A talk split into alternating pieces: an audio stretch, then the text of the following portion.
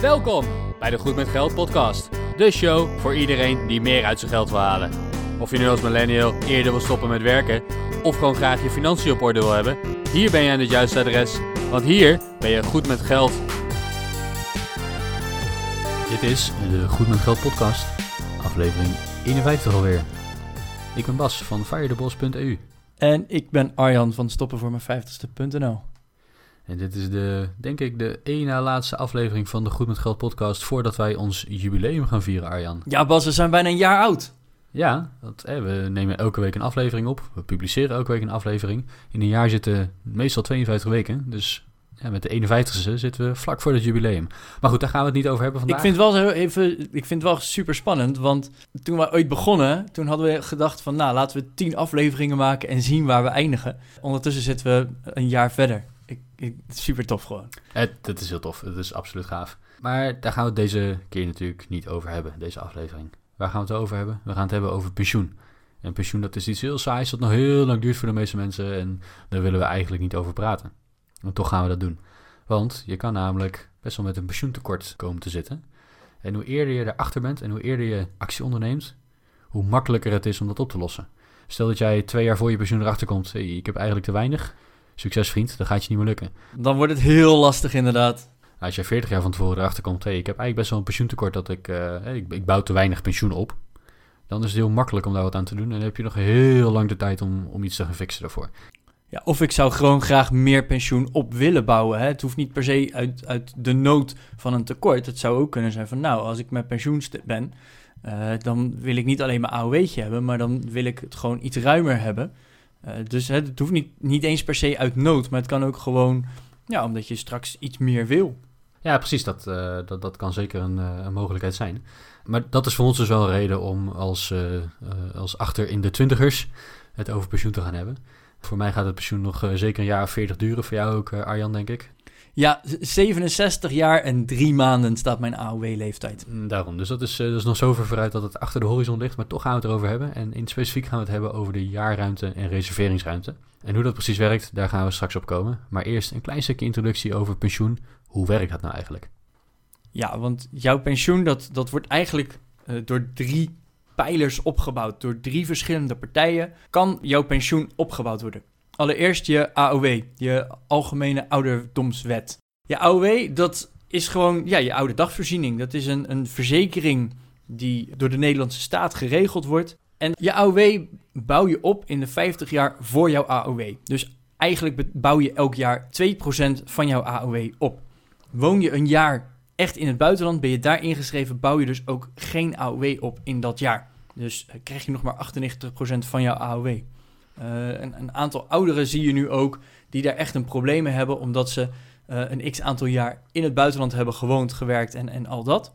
Eh, waardoor hun AOW gewoon nu een stuk lager is.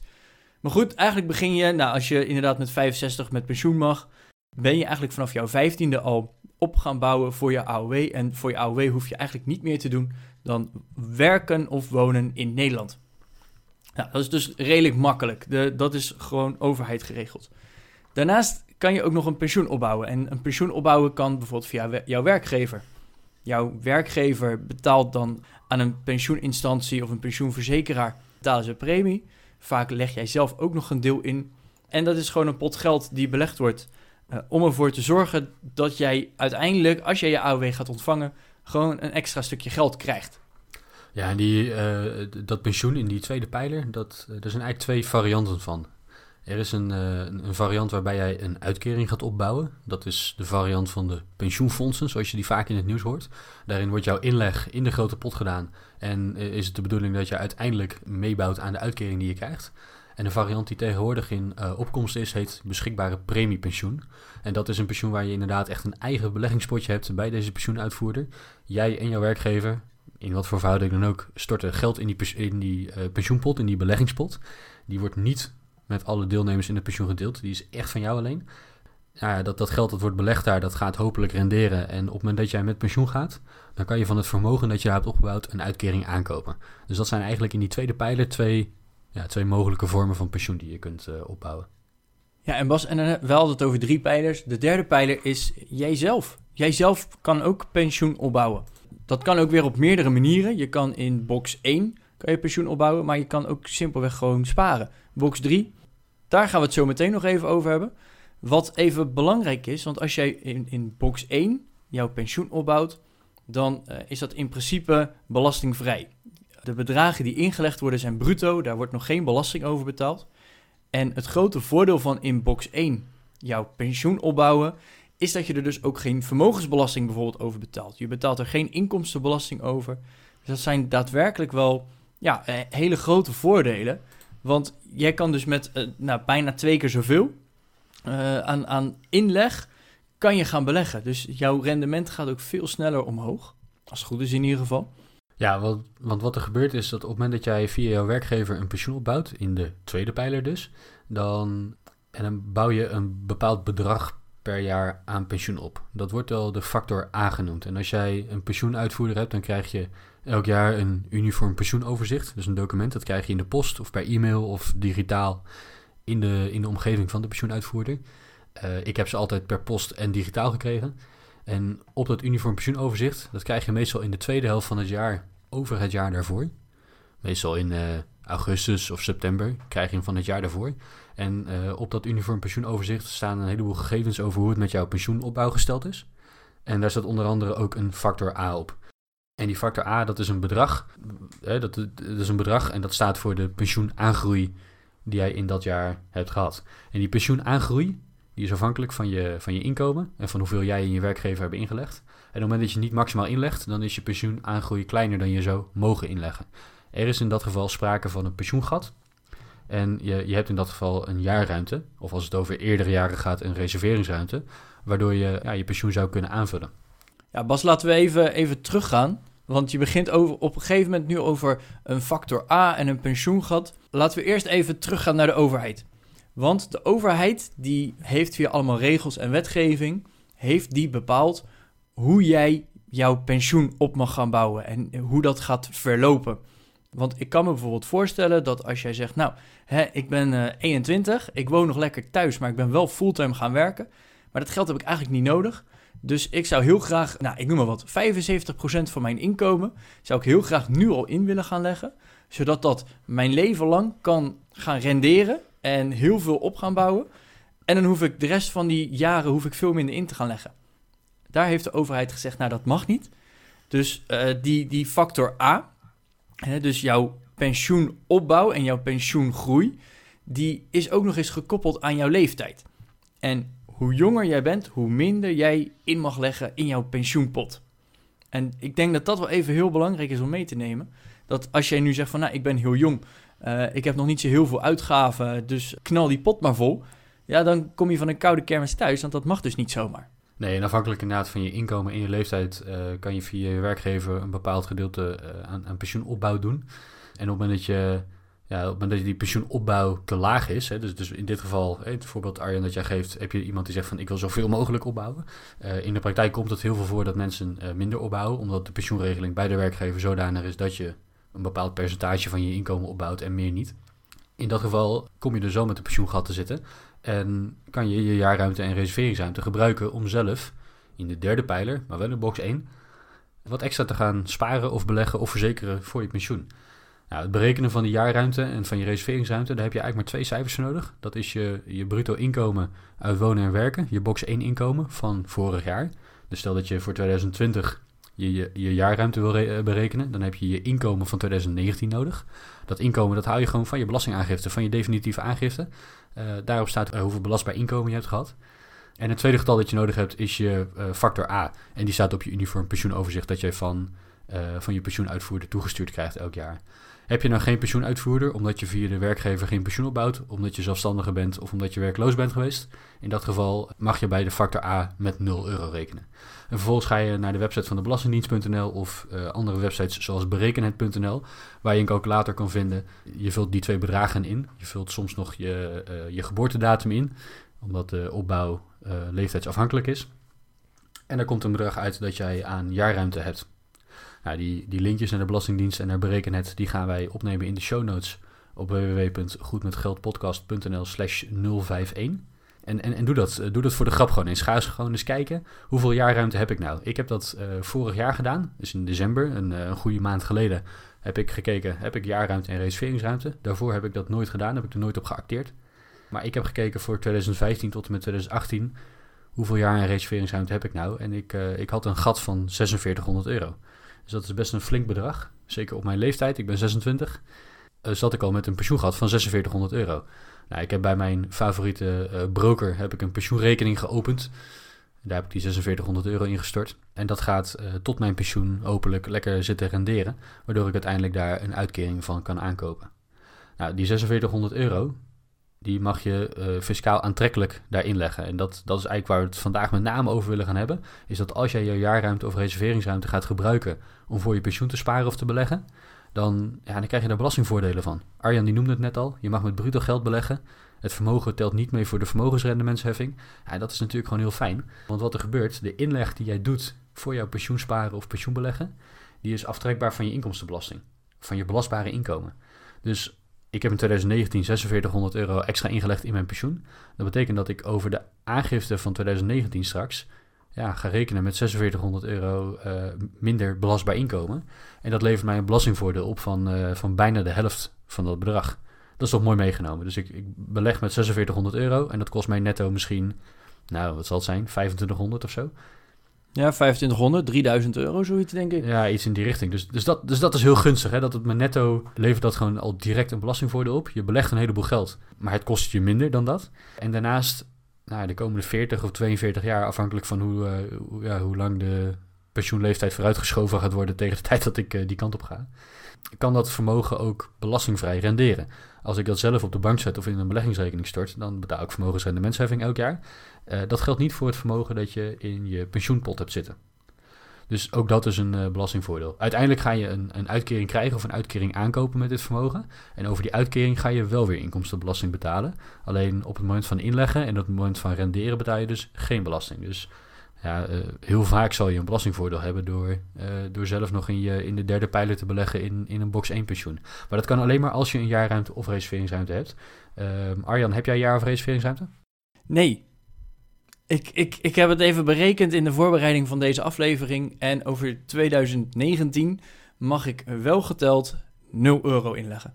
Gewoon nul. Wow, mijn, wow. mijn werkgever die doet het gewoon heel goed. En die knalt die hele, hele ruimte die ik heb die knalt die vol.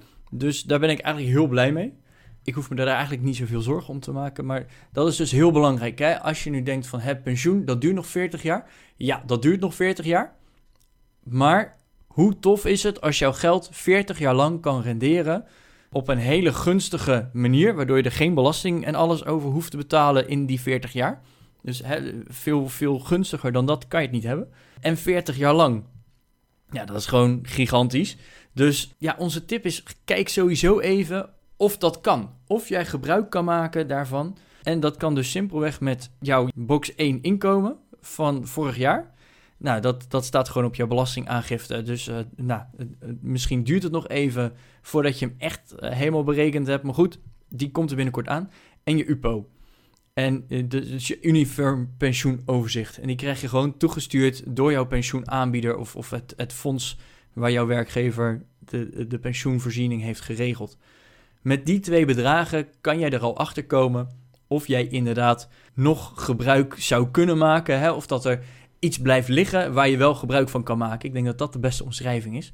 En als dat dus inderdaad zo is, dan kan je dus ja, uh, relatief makkelijk toch nog extra gebruik daarvan maken.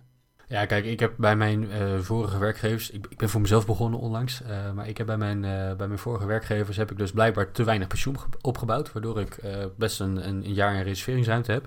Arjan bouwt een heel goed pensioen op bij zijn werkgever en heeft dus totaal geen, geen jaar in reserveringsruimte. Dat betekent natuurlijk niet dat Arjan niet van die belastingvoordelen kan genieten. Nee, hij heeft al van die belastingvoordelen genoten. Hè? Dus als jij een goed pensioen opbouwt bij je werkgever, dan, uh, ja, dan hoef je eigenlijk nergens zorgen over te maken. En dan, ja, dan, dan is deze aflevering misschien iets minder van toepassing voor jou. Ja, daarom zei ik inderdaad ook al van, hey, je, laat het dan gewoon liggen eigenlijk. Hè? Dat uh, heel belangrijk. Iedereen heeft er gewoon recht op.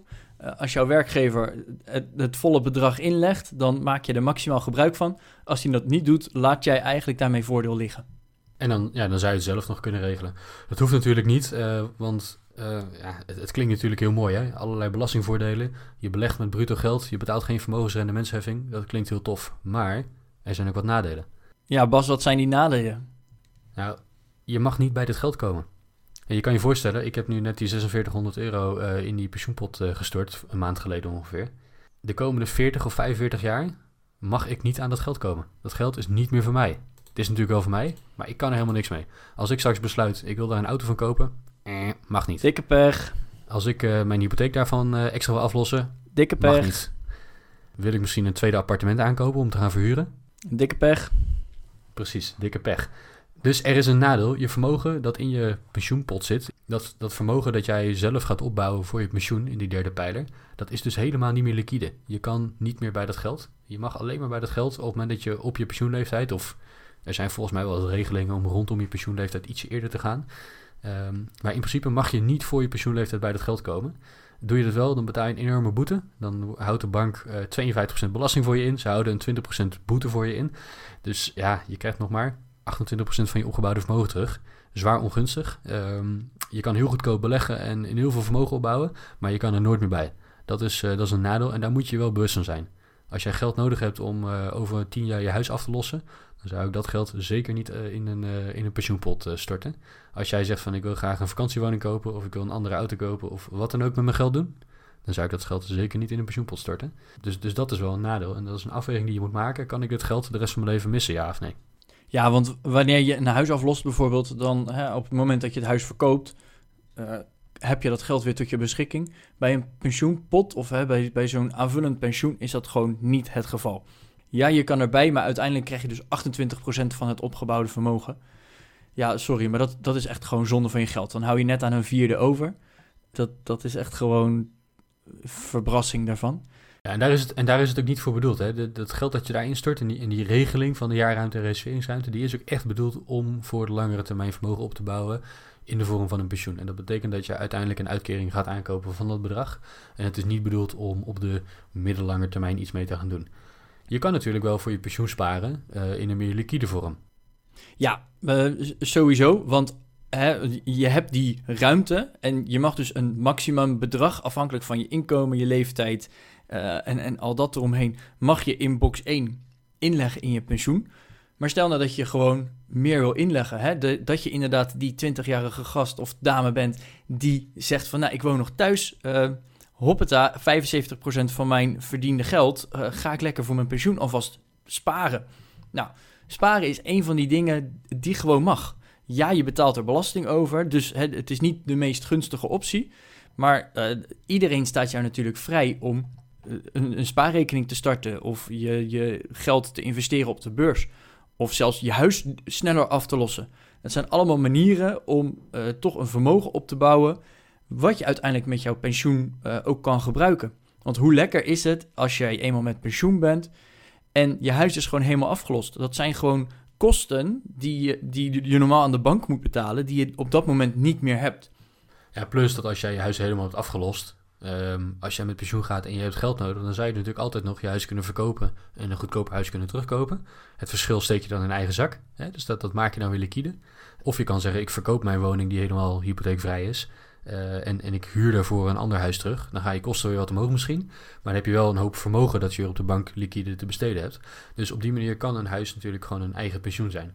Ja, dus op dat moment kan je dus inderdaad bepalen van... nou, ik zorg er in ieder geval voor dat mijn vaste lasten lager zijn op het moment dat ik met pensioen ga. Of ik verkoop een deel van uh, mijn, mijn eigendom eigenlijk. Uh, waardoor ik inderdaad voldoende geld heb om uiteindelijk mijn dagelijkse leven te kunnen betalen. Ja, in die derde pijler van het pensioen, hè, als je zelf pensioen opbouwt en je doet dat niet in box 1 met je jaarruimte, dan kan je natuurlijk altijd in box 3 ook vermogen opbouwen. En dat is wat Arjan en ik ook doen. Door te beleggen uh, bouw je natuurlijk ook vermogen op. Het nadeel is wel, je betaalt gewoon belasting, want je moet met netto geld beleggen. Je betaalt elk jaar vermogensrendementsheffing. Aan de andere kant, het vermogen is zo liquide. Als je bijvoorbeeld dat geld straks voor een ander doel wil gebruiken dan je pensioen, dan is het gewoon mogelijk. Of als jij eerder met pensioen wil dan je pensioenleeftijd, dan is het gewoon mogelijk. En dan kan je dat vermogen aanspreken om, uh, van te gaan leven. Dus er zijn uh, best een hoop mogelijkheden om, uh, ja, om een eigen pensioenvoorziening te gebruiken.